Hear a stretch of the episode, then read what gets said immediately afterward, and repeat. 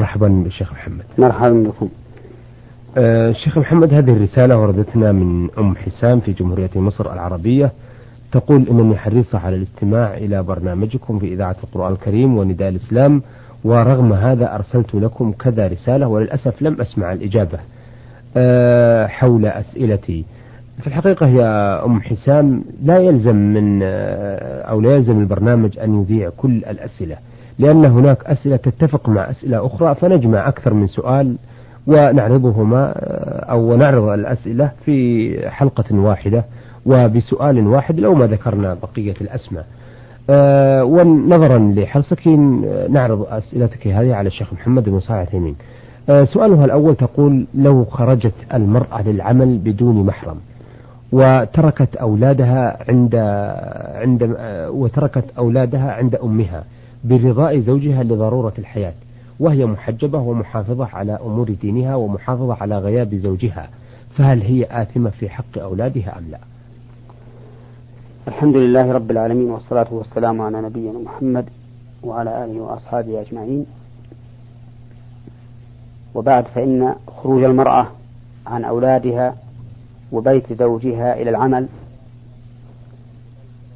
هذا أمر خطير جدا. لأن المرأة ليست بحاجة إليه أي إلى التكسب بالعمل إذ أن زوجها مأمور بالإنفاق عليها. كقول الله تعالى والوالدات يرضعن أولادهن حولين كاملين لمن أراد أن يتم الرضاعة وعلى المولود له وهو الزوج رزقهن وكسوتهن بالمعروف. نعم. ولقول النبي صلى الله عليه وسلم في خطبته عام حجة الوداع في عرفة لهن عليكم رزقهن وكسوتهن بالمعروف. ولقوله تعالى لينفق ذو سعة من سعته ومن قدر عليه رزقه فلينفق مما آتاه الله. ولم يقل الله من قدر عليه رزقه فلتكن زوجته معه تكتسب. نعم. فالإسلام نظام متكامل يحمل كل إنسان ما يليق بحاله فعلى الزوج النفقة وعلى الأم الرعاية في البيت. فإذا كانت هذه المرأة تريد أن تكون من الطراز الأول فإن عليها أن تعود إلى بيتها وتكون مربية لأولادها حتى لا تحرم أولادها شفقة الأمومة. فإن الجدة وإن كانت ذات شفقة لكن شفقة الأم أقوى. وكذلك لا تحرم نفسها من أولادها يرونها بينهم ويشتكون إليها. وزوجها هو الذي يكتسب وينفق. نعم. مما آتاه الله لا يكلف الله نفسا إلا ما آتاها. هذا ما أشير به عليها. أن تعود إلى البيت وأن ترعى أولادها وزوجها كما قال الله سبحانه وتعالى فالصالحات قانتات حافظات للغيب بما حفظ الله ولكن إن أبت إلا أن تعمل فلا حرج عليها أن تعمل في حقل النساء لا في حقل الرجال لأنها مهما بلغت من العفة والصيانة والاحتجاب فإنها لن تسلم من الفتنة إما منها أو بها. فلهذا لا نرى جواز اشتغالها مع الرجال في أي عمل من الأعمال.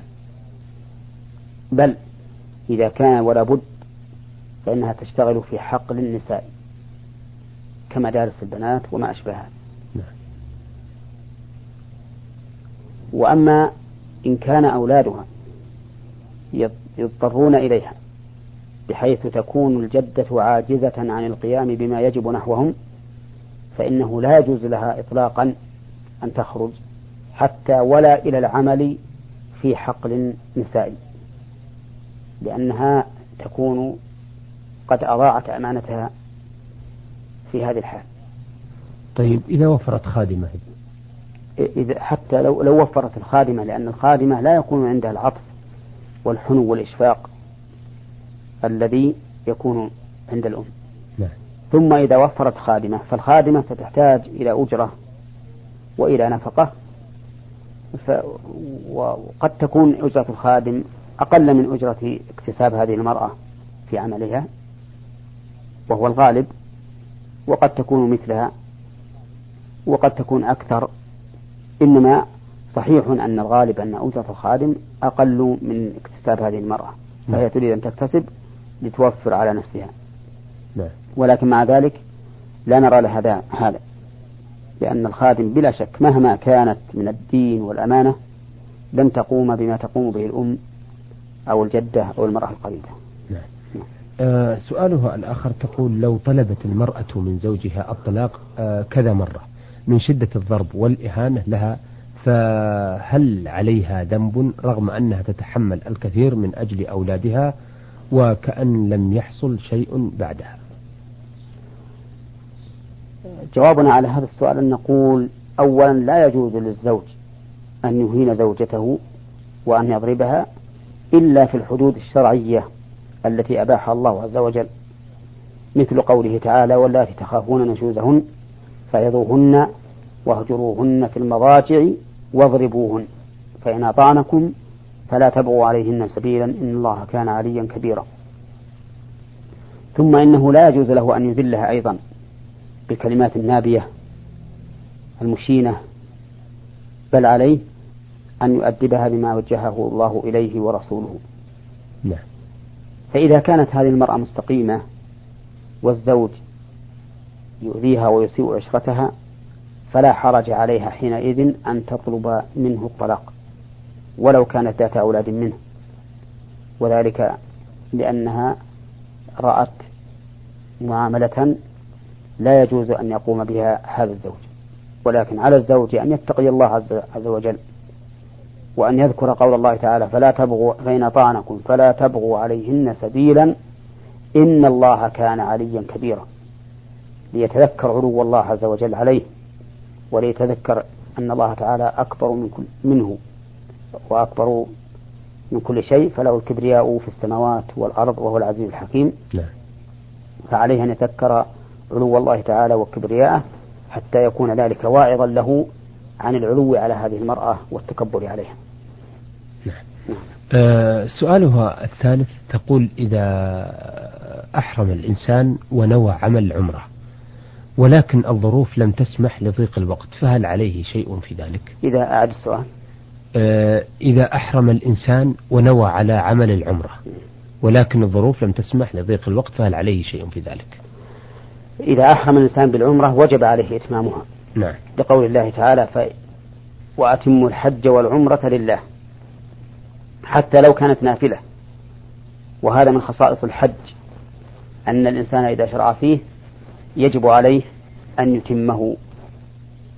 ولكن إذا أحصر بأن حصلت له ظروف قاسية لا يتمكن من إتمام العمرة.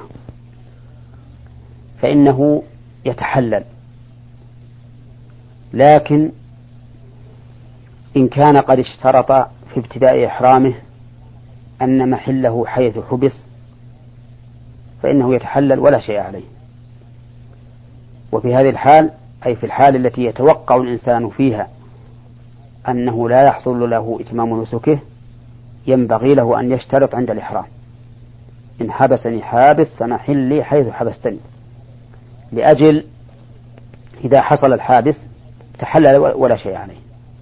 أما إذا كان حصل له عذر قاهر لا يتمكن معه من إتمام العمرة ولم يشترط أن محله حيث حبس فإنه في هذه الحال يتحلل وعليه دم. لقوله تعالى فإن أحصرتم بعد قوله أتم الحج والعمرة لله قال فإن أحصرتم فما استيسر من الهدي. فعلى هذا نقول يجب عليك أن تتحلل بالنحر والحلق. نعم. آه السؤال الأخير تقول فيه أم, أم حسام من جمهورية مصر العربية لو قال الزوج لزوجته إذا اشتريت لأي أحد أي هدية لم أعرفك. وهذا المنع آه أو هذا لمنع الإسراف في المال وعلشان عدم المشاكل. فهل هي محرمة عليه رغم أنه لم يقصد أي شيء محرم؟ آه، يعني وباشرها جنسيا في نفس اليوم عندما رجعت آه، إلى مكانها. نرجو الإفادة وفقكم الله. لا يخلو هذا الرجل من حالين. إما أن ينوي بقوله إن اشتريت كذا فإني لم أعرفك. ينوي بذلك تأكيد منعها. من شراء هذا هذه الهدية فإذا كانت نيته تأكيد منعها من شراء الهدية ثم اشترت فإنه لا يلزمه لا يقع عليه الطلاق وإنما يجب عليه أن يطعم عشرة مساكين أو يكسوهم فإن لم يجد فصيام ثلاثة أيام. وطعام المساكين إما أن يغديهم أو يعشيهم أو يعطيهم ما يكون طعاما لهم ومقداره نحو صاعين من الرز ويجعل معهما لحما أو أدما. الحالة الثانية أن يكون قوله لا أعرفك ينوي به طلاقها. ففي هذه الحال إذا خالفت فاشترت فإن الطلاق يقع عليها. ويكون طلقة واحدة إن لم يستسبقها طلقتان فإنه يراجعها وتبقى زوجة معه. نعم.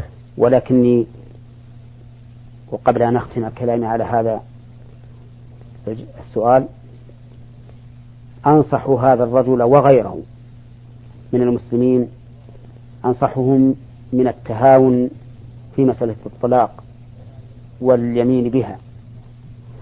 فإن كثيرا من الناس الآن بدأوا يتهاونون. كلما أرادوا أن يحلفوا على شيء يقولون علي الطلاق ألا أفعل. أو يقول للزوجة إن فعلت كذا فأنت طالق. أو يقول لغيرها إن فعلت كذا فامرأتي طالق.